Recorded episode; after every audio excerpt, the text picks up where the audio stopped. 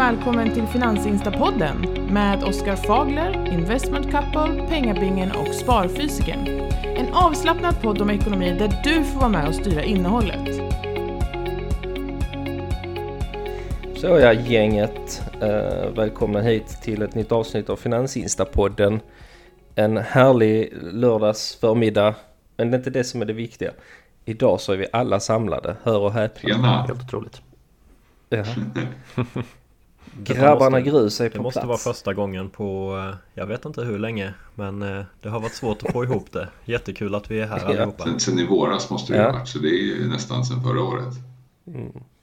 Kul, kul, kul ni kunde komma till festen. Vi har ett rykande, färs, rykande färska frågor som vi har samlat in. Så det här är ju ett renodlat frågeavsnitt. Det verkar som att frågorna verkligen har haglat in, så vi har försökt prioritera lite bland dem. Mm. Mm. Så är det ju. Vi kanske får spela in Men, ett eh, avsnitt på 24 timmar där vi tar alla frågor. Instagram live. ja, precis. Eh, innan jag kör igång så måste vi prata om vädret. Har ni i Stockholm fått uh, snöstorm? Ja, det- vi fick det igår. Ni har det? igår eller snöstorm var det inte, men det, det var ju lite snö. Så jag läste nu här på morgonen att det vart eh, något jättekaos hos de här däckskiftarna. De, de lyckas inte, eller de mäktar inte med liksom alla som nu helt plötsligt insett att oj, man måste byta däck. Kan tänka mig det, för det var ju 15 grader varmt här för en vecka sedan ungefär. Så att det är nog många som har eh, väntat in i det sista. Mm. Ja, jag är en av dem. Hade inte det varit bra, bra extra knäck att eh, byta däck till folk?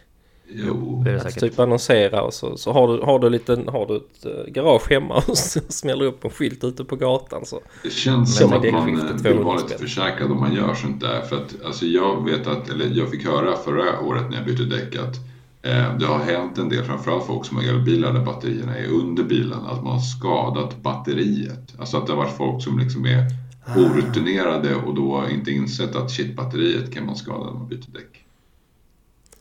Okej, det- är det för att de då sätter den här Domkraften, ja. in ja, i det domkraften fel? det. Ja, ja, nej det kanske är... Ja. Det gäller att... Men jag tänker på det gamla bensinbilar och så. Tesla för 800 000 utan att man har en, en skruttbil istället. Det känns bra i de lägena. Ja, precis. Jag har faktiskt börjat med... Jag har börjat med sånt här däckhotell. Jag har ju alltid varit riktigt... Nej, alltid så här. Jag ska byta själv. Jag har de här hemma och, och så hjälper jag farsan också. Han är gammal och byter. Varje säsong så ligger jag där på knä och säger det här är sista gången. Eh, men jag byter fortfarande på farsans bil. Men med din egen bil har jag skaffat däckhotell och det är så sjukt nice. Jag kan faktiskt säga att jag var samma, lite sådär som du och tänkte att eh, det, är så, det är så töntigt att behöva ta in på liksom, däckhotell. Men nu bytte vi ju däck här för en tre, fyra veckor sedan och det var första gången vi tog in Mm. däckhotell. Så att eh, de bytte, kommer ta däcken, förvara dem och sen så är det bara att boka en tid sen i vår Sjukt och nice. byta så liksom Ja. ordnar de det. Och det kostar strax över Mm. tusingen, vilket är riktigt nice. Och de, de, de, och sen så du får ju liksom Jag kan tänka mig många förvarar sina däck liksom kanske fel Om man nu kan förvara däck fel vet jag inte Men, ehm, Mm, men det är så skönt för jag har det precis bredvid mitt jobb Så jag, jag lämnar den på morgonen där så bara knatar jag över Sen jobbar jag och sen så när jag ska hem så är bilen färdig Riktigt skönt Riktigt bra. Livskvalitet. Det jag tycker är, är värst kanske är, Ja, det jag tycker är värst med däck är ju att när man ska transportera dem till liksom, ja, de som ska byta däcken. Då ska man ju ha det, de här massiva däcken i, i, i sin Tesla bak. Det blir jättesmutsigt och äckligt och sådär. Så att det, det känns bara det är ju värt pengarna. Ja, frågorna. Vi gör det, vår ständiga frågeuppläsare Oskar Den hårfagla Får läsa Och första frågan, det blir Pengabingen som får prata en monolog här då. Prata om SBB. SBB ja. Ja, precis. Prata om Årets SBB. stora snackis eh, kanske det är. Mm. I och med ja, alla blankare som har kommit in i SBB och det är ju en av Sveriges mest populära aktier också. Och man hade ju känslan av att det var ett väldigt stabilt fastighetsbolag med samhällsfastigheter. Det är alltså förskolor, domstolar, polishus och liknande. Men ehm, ja, de här blankarna har ju släppt en rapport eh, och aktien är ju ner 80% var det väl ungefär när det var som värst och nu har den gått upp 70% här från botten så att det har ju varit väldigt kraftiga rörelser. Eh, äger ni mm. SBB? Mm. Nope. Yep. nope. Ja, det gör vi. Jag tror att väldigt många ägare, det är ju bland Sveriges näst mest ägda aktier kanske. Den måste ju ligga precis efter Investor va? Ja, precis. Jag tror det är så. Och eh, det man har gjort är ju att man har sålt rätt mycket fastigheter detta året. Eh, tidigare har man ju köpt mycket fastigheter. Och man värderas till ungefär 60% rabatt mot eh, substansvärdet där. Men de här fastigheterna man har sålt har man sålt till bokfört värde. Och då tar man de pengarna och eh, tanken är ju att man ska minska sin eh, skuldsättning. Så det är ju frågan då om man lyckas med det. Och där får man väl säga att marknaden, eh, eller som aktien handlas på börsen så tror man kanske inte det men ledningen verkar ju säkra på att man ska lyckas och ja, jag tycker det ser allt bättre ut ändå för dem här. Mm. Och blankningen har ju minskat. Det är lite oklart det här. Det har varit mycket prat om i fastighetsbolag om man ska behålla utdelningarna eller om man ska prioritera amortera eller, eller vad det nu är. Senast i ledet var ju Akelius som sa eh, att, eh, eller som ja, mäklade en stor post där och köpte eh, eh, Arnhults då aktier i Castellum när han sålde han har liksom sagt att ja, men nu, nu tycker jag att utdelningen borde slopas och man kanske borde omprioritera lite i kassaflödena och sådär. Så det är ju lite, det har blivit en snackis nu de senaste veckorna här. Eh, hur ska fastighetsbolagen göra? Ska man prioritera utdelningen eller ska man inte göra det? Mm, ja, SBB ska ju dela ut i alla fall sa de ju häromdagen. Mm. Sen om det är bra eller inte, det får vi se. Ja, för aktieägare borde det egentligen kvitta om de har utdelning eller om de väljer att göra annat med pengarna. Jag tycker det är lite sådär konstigt varför fastighetsbolag kanske kan bestämma sig en dag att ja, nej, men 50% av vinsten kommer alltid delas ut och 50% gör vi annat med. Eh, det känns som en sån här siffra som bara är tagen i luften. Man skulle lika gärna kunna liksom tumma lite på det om man känner att, eh, att det finns, eh, eller ja, man behöver inte dela ut bara för att dela ut. Mm. Finns det annat sätt att använda pengarna på som är effektivt och bra så kan man överväga att göra det. Det är ju det Balder har gjort eh, under alla år. Man har ju fått 20% avkastning per år ungefär i den aktien och de har ju aldrig delat ut eh, några pengar. Eh, Castellum har ju haft utdelning 24 år i rad. Eh, har de höjt. Mm. Så det är många som har ägt den aktien av den anledningen och då är det ju många som säljer nu också när man väljer att slopa utdelningen. I SBB där så sa ju Battlian mm. att de skulle höja utdelningen 100 eh, år i rad. Mm. Modigt. Men det verkar som att man... Mm. Ja, nu vet vi inte hur det blir men det, det, ser väl ut som att de ska kunna behålla utdelningen men det är ju inte kul om man får slopa mm. den efter några år. Eh, om man har sagt att man ska höja den 100 år i rad. Och, och ännu värre då är att både Battlian i SBB och Arnhult i Castellum de har ju mycket belåning i sina egna bolag. Um, mm. Rutger Arnhult hade väl 18 miljarder i lån tror jag. Och det är klart man har mm. mer tillgångar men har sen aktien backat 60-70% på börsen då har du ju plötsligt kanske mer skulder än vad du har tillgångar och då blir det ju lite svårt. Ja, mm. det är ju hävstång åt båda hållen så att säga. Så att när det går bra går det väldigt bra, när det går dåligt kan det gå illa väldigt fort. Och framförallt med Battlands då belåning vad jag har förstått det så är inte den så här jättetransparent heller. Så att man vet ju nästan inte hur mycket som är belånat. Nej, han har väl två miljarder i obligationer där i sitt eh, bolag. Så Rutger har ju haft mycket mer volymer då. Men, och det vet ju mm. Akelius såklart när han går in i, i Castellum och eh, Ja, Rutger han behöver kanske utdelningarna för att, att kunna betala sina räntor i sitt eget bolag och då säger Akelius att nu ska vi skippa utdelningen här. Då blir det ju ännu värre för Rutger såklart. Ja, men vad jag förstått det så är Akelius väldigt lågt belånad. Ja, han sålde ju... Um, han var ju en av de största i Sverige på uh, hyresbostäder. Han sålde ju precis på toppen förra året för 90 mm. miljarder där innan det kraschade. Så han har ju suttit på massa pengar i dollar dessutom så han har ju gjort om det var 20-25% vinst bara på dollarkursen också. Så det är de pengarna han Ja, växlar tillbaka nu Castellum ja. eh, aktier för. Så han har ju haft Jag vet inte om det är skicklighet eller om det bara är en helt otrolig tur. Ja, vi eh, skuttar vidare. Do it. Eh, nämn tre anledningar att inte köpa Tesla. Och då tror jag de syftar på aktien då, inte bilen i sig. Ja, för ja, inte köpa bilen kan jag inte komma på någon anledning faktiskt. Den är grym. Ja, ehm, ja vad säger ni? Kommer du på någon bra Oskar? Eh, Alltså, elefanten i rummet är ju Elon Musk då. mm, jag tänkte samma där. En anledning kan ju vara senaste tidens Elon så att säga. Mm. Eh, Twitterköpet och hans tweets och ja, det är nog många som inte håller med han mycket just nu. Han, han kan ju anses vara lite kontroversiell emellanåt men det behöver ju nödvändigtvis inte vara något dåligt. Mm. Det, Sen tror jag många kopplar Elon för mycket till Tesla. Ja. Alltså jag menar Tesla som bolag skulle rulla på bra utan Ja. honom också. Eh, precis. Men han är ju väldigt liksom kopplad till just Tesla så vad han än gör kommer man alltid tänka Tesla och Elon. Han har ju en undersökning igång nu på Eh. Twitter eh, om man ska ta tillbaka eh, Trump eller inte. Eh, Och där är det just 8 miljoner som har röstat nu på 8 timmar. Det måste vara någon slags eh, rekord. Det är, det är klart det piskar ju upp känslor hos folk också. Det är kanske inte alla som vill köpa en bil av Tesla när Elon Musk är ute och svingar lite politiskt också. Mm. Och sen har han SpaceX och, och Twitter och jag menar, han har ju bara 24 timmar precis som vi andra eh, varje dygn så ja, det, det är en fenomenal människa men eh, hur mycket hinner man med?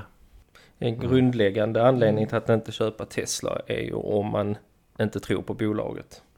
Och så ska det ju egentligen, det ska egentligen vara i grund för, för de flesta köpen ju. Tror jag på detta företaget eller tror jag inte på det?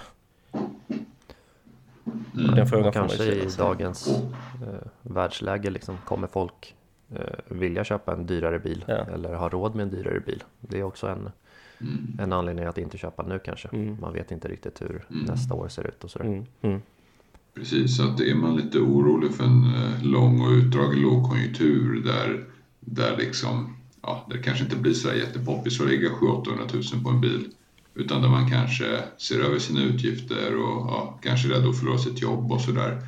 Då, då kanske man ska ja, vara lite försiktig med, med att köpa just ett bolag som vänder sig till det segmentet av folk som, som köper där då vanligtvis. Eh, Men en annan grej är väl också om man inte tror på elbilstrenden och elektrifiering och sådär och tror att det bara är en fluga. Då kan man ju också tänka att ja, men då är Tesla inte köpvärd. Och sen en annan anledning är ju om man tror på teknisk analys. Då Den säger väl enligt många att den ska ner till 140-150 dollar där någonstans från dagens 180 eller vad det nu står i.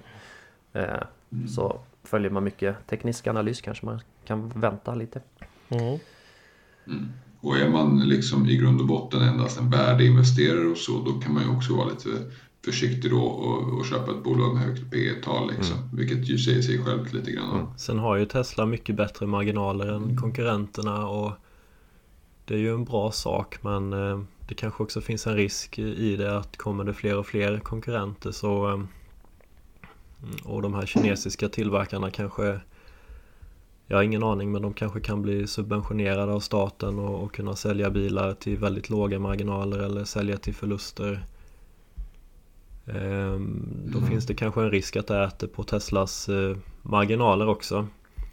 Sen växer väl Mm, branschen så pass mycket nu att det finns plats för alla men så kanske det inte alltid kommer vara heller så.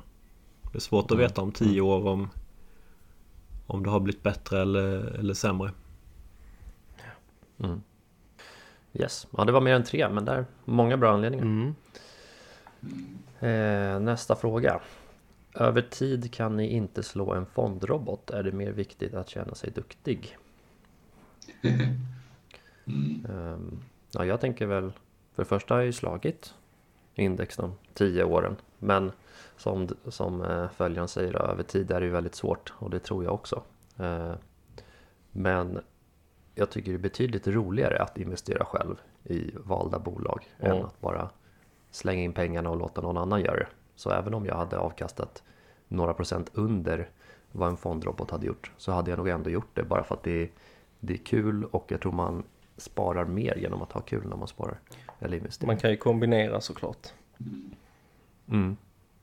Känna sig duktig och känna sig duktig. Men det är ju alltid roligt. Som du sa, investera själv är ju alltid kul. Mm. Och lyckas man slå någon, någon form av index där så, så är det ju extra roligt såklart. Men jag tror man ska vara lite ödmjuk samtidigt. Eh, Är man bara det så tror jag att man, eh, man kommer långt. Ja, det är ju ytterst få som slår index Mm. över tid, säg 20 år. Det är väldigt, väldigt svårt. Vi har ju också mer och mer gått mot att investera mycket mer i fonder och index och så. Vi har ju ganska mycket hos, i vår fondrobot till exempel och mycket i ganska breda fonder och sådär. Så att vi känner ju ändå att uppemot halva portföljen är ju väldigt, väldigt, väldigt brett, bre- eller brett diversifierad. Så, så att eh, med resterande delen så gillar vi att gambla lite. Inte gambla, men liksom gissa. Ta lite mer risk sådär. Men en sak man ska komma ihåg också är att många fondrobotar slår ju inte ens index. En fondrobot är ju inte per automatik en bra sak. Eh, Så indexfonder, det är väl det som egentligen många rekommenderar. Ja, månadssparar man i indexfonder i, i 20 år och sparar varje månad då är det väldigt svårt att misslyckas. Det är klart att man, man blir kanske inte stenrik som man kan bli om man har flyt och väljer rätt eh, aktier men eh, risken att misslyckas är ganska liten också. Det blir en bra riskjusterad avkastning. Kanske ett problem att man blir för intresserad av... För jag var lite så, jag, när jag började investera så blev jag superintresserad och var kul in och pilla med det. Sen börjar man inse liksom sådär att ja, det som alla säger med att vara långsiktig och inte röra runt så mycket är ju det som gäller. Och så gick jag ifrån väldigt mycket att sitta och köpa sälja, köpa sälja utan det är liksom eh, ju mindre jag gör desto bättre är det. Och jag tror många har fått en tankeställare i år också för 2020 och 2021 Då var det väldigt många som slog index. Ehm, De här populära aktierna gick väldigt bra men I år har ju SBB har gått väldigt dåligt eh, Latour har gått dåligt eh, Meta Tesla Ja, alla de stora techdrakarna i USA har också gått sämre än index och index består mycket av energi och bank och det kanske Ja, inte är så gud, ja. många småsparare som äger det så att eh, i år har nog många fått, fått en liten tankeställare att eh, det är inte så enkelt att slå indexen då. Precis. Mm. Ja, Mm. next. Eh, Kommer Tesla att återhämta sig?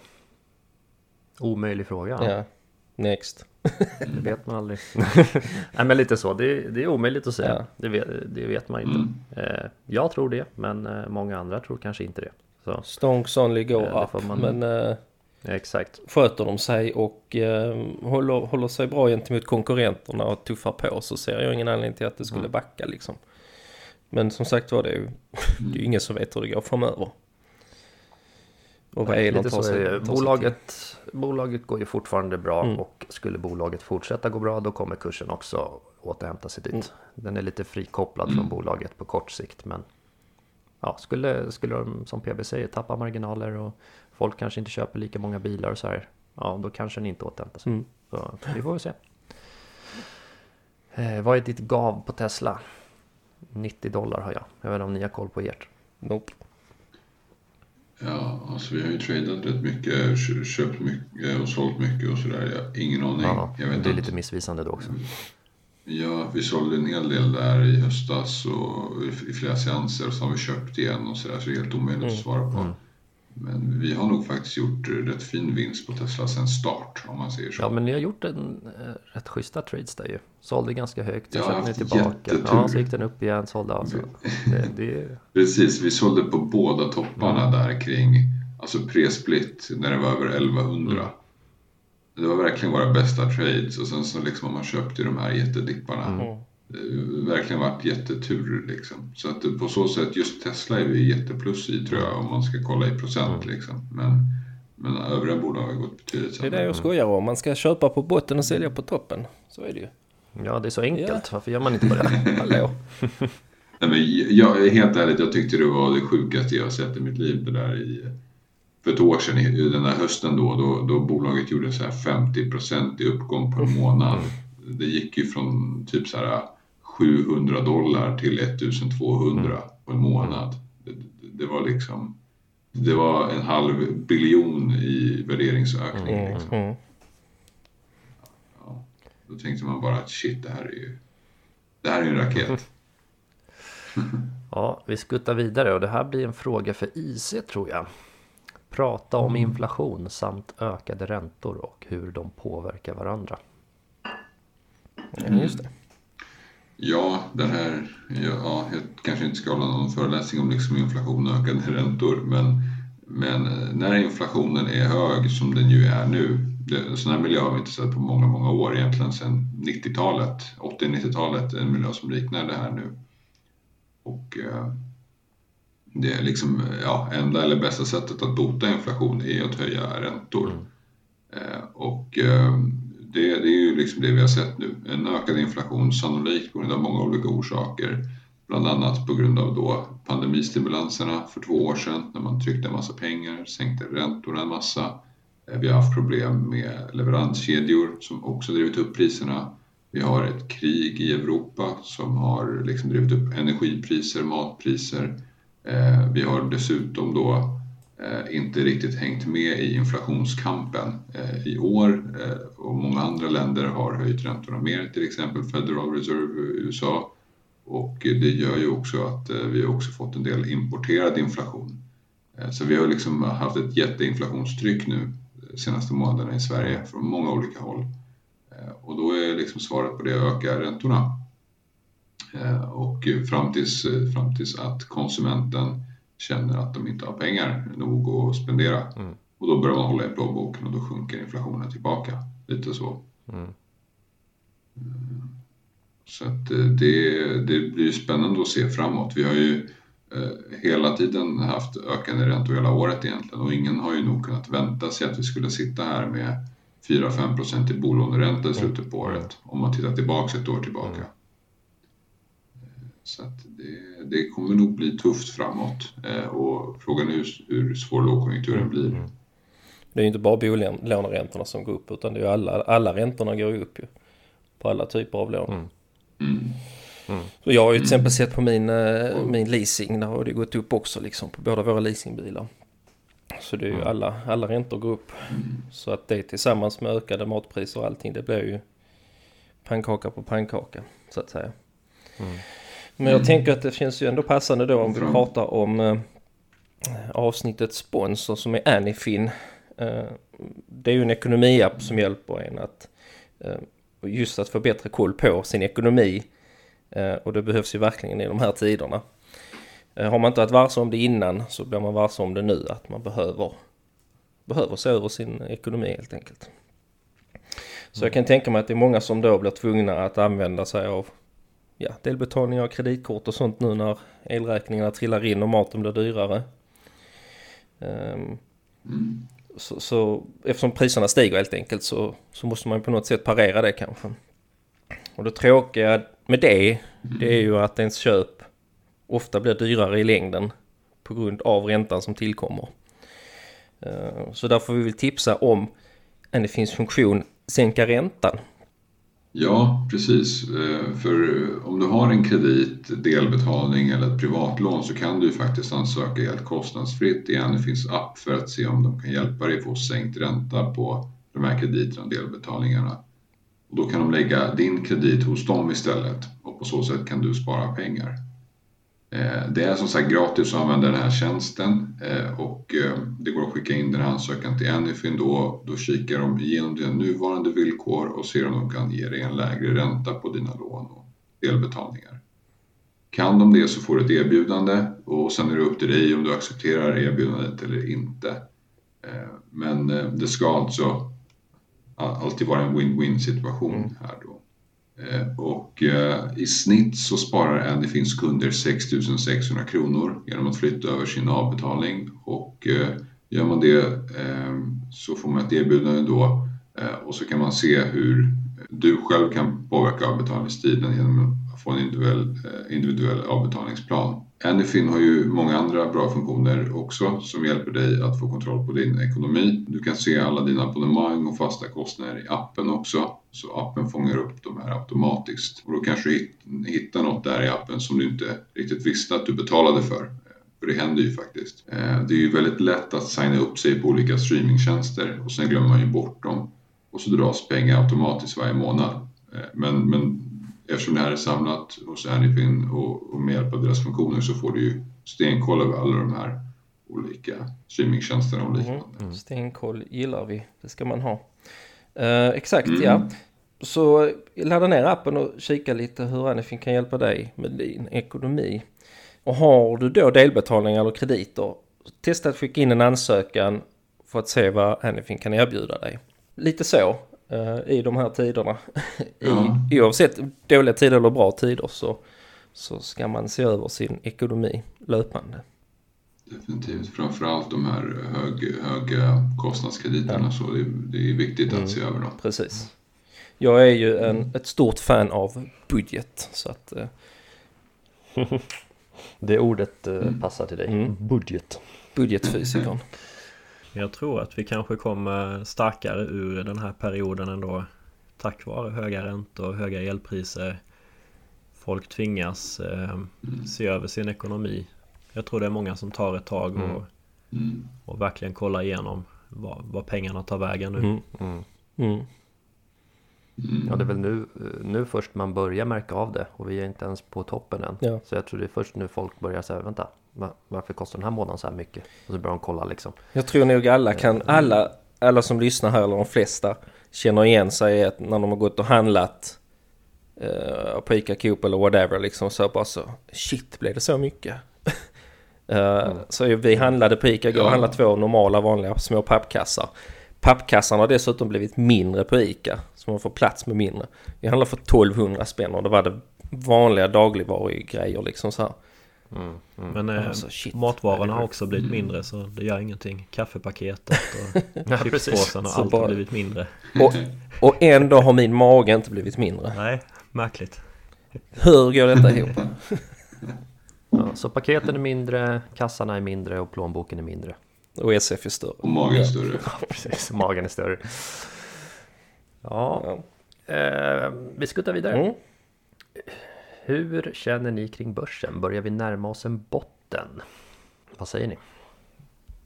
PB, vad, känner, ja, vad säger jag du? Tycker det är väldigt svårt att säga. Vi hade ju eh, en botten där och sen har väl börsen gått upp en 15 procent Sen dess har man ser hur snabbt det svänger när det väl går upp igen och hur snabbt det svänger ner. Så att mm. jag tror inte att man ska försöka tajma det eller egentligen spekulera i det utan Tycker man att det känns bättre i magen så sitt på lite kassa. Eh, annars fortsätt att månadsspara månad ut och månad in så tror jag att man kommer ur även denna krisen.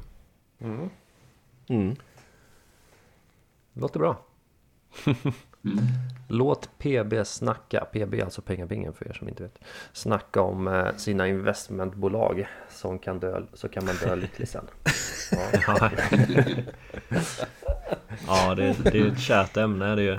Ehm, ja, men jag gillar investmentbolag. Vi hinner inte det, vi hinner inte det i dagens avsnitt Precis. Vi har inte flera timmar på oss. Avsnitt. Jag kör själv en halvtimme här nu. Nej men... Eh, ja, men du, du, får, du får en minut här. Prata om dina investmentbolag en minut. Ja men varför gillar jag investmentbolag? Det, det är ju eh, starka ägarfamiljer bakom. I eh, Investor är det ju familjen Wallenberg och i Latour har du familjen Douglas. Och så vidare. Ehm, och det här är ju ägarfamiljer som tänker decennier i, framåt och jag tycker om det där och eh, i ett investmentbolag så får man ju många eh, underliggande aktier på köpet så att det blir ju som, som små eh, Sverigefonder nästan. Och har du då ett knippe på 3-4 investmentbolag så får man eh, en rätt bra riskspridning och jag tror att man får en potential att slå index eh, också över tid. Så har det i alla fall sett ut historiskt. Mm. Mm. Vi kanske får göra ett litet ett avsnitt där halva avsnittet är PBs monolog helt enkelt. ja men kanske det. Ska vi klämma in, mm. klämma in två snabba frågor innan vi avslutar? Mm. Ja. Eh, tror ni att vi slutar 2022 23 på minus eller plus? Om vi börjar med 2022 då. Jag tror nog minus för i år. Håller med. Minus. Ja, minus. Det får vara ett väldigt mm. eh, julenisse-rally om vi ska kunna komma upp på plus. Men eh, nej, mm. det blir väl minus. Mm. Ja, många portföljer är ner 50% så då ska den ge upp 100 innan året är slut. Ja. Det vill säga drygt en månad och det, det känns tveksamt. Mm. Ehm, 2023 då, vad tror ni där? Då får man väl mäta från slutet av det här året till 2023 då. Är det plus Det nästa? men jag tänker Ja. svagt plus faktiskt. Eh, Jag, I och med att börsen är så framåtblickande och jag tror till och med att det kommer vara 6 till 12 månader framåtblickande nästa år. Då tror jag nog att vi hinner vända i ekonomin till 2024. Så att 2023 blir nog ett plusår. Mm, jag tänker lite samma. För 2023 blir ju då, prisar in lite vad som händer 2024. Eh, och då räknar man med lite lättnader så att säga. Så Precis. Ja, plus där tror jag också. Ja, nej jag håller med. Jag tror att eh, som ni säger man blickar kanske 12-18 månader framåt eh, på börsen och eh, då börjar man kanske se att eh, räntorna ska ner igen och eh, det gillar ju marknaden och osäkerheten kanske börjar försvinna. Vi får väl hoppas att eh, kriget också kan eh, att man kan se lite ljuspunkter där och ja, jag tror vi kan se en ganska bra börs eh, nästa år. Jag hoppas det. Mm. Sista frågan. Nämn ett stabilt investmentbolag förutom Investor. Ja, nej, men det finns ju några Mm, stora pjäser där. eh, Latour, eh, Industrivärden och Lundberg. Eh, Man kan väl köpa lite av alla där så får man en rätt bra mix. Eh, den som har gått bäst av dem historiskt har ju varit Latour med över 20% avkastning per år i snitt. Och den är ju ner över 40% i år. Så att eh, jag har ökat lite grann där. Även om eh, substanspremien eh, som alltid är ganska stor. Mm. Det får bli sista frågan för det här avsnittet. är det så? Är det så? Ja, vi har pratat i över 30 minuter. Ja, det är mängder med frågor kvar så vi kanske kan eh, köra två i rad den här gången. Eh, Slänga in ett par Ja. till. Ja, verkligen. Jag tänker att vi, vi borde ju ta ett till frågeavsnitt nästa. Mm. Ja, men vi, vi, ja, men vi kör väl på det. Nej, men det, Får vi det se när kör det vi. dyker kör vi. upp Vi det får till det. Men verkligen. All right. Ska vi säga så? Ja, verkligen. Ja. Ha det gott allihopa. Hej då! Tack för den här gången. Tack, tack. Hej, hej. Ja.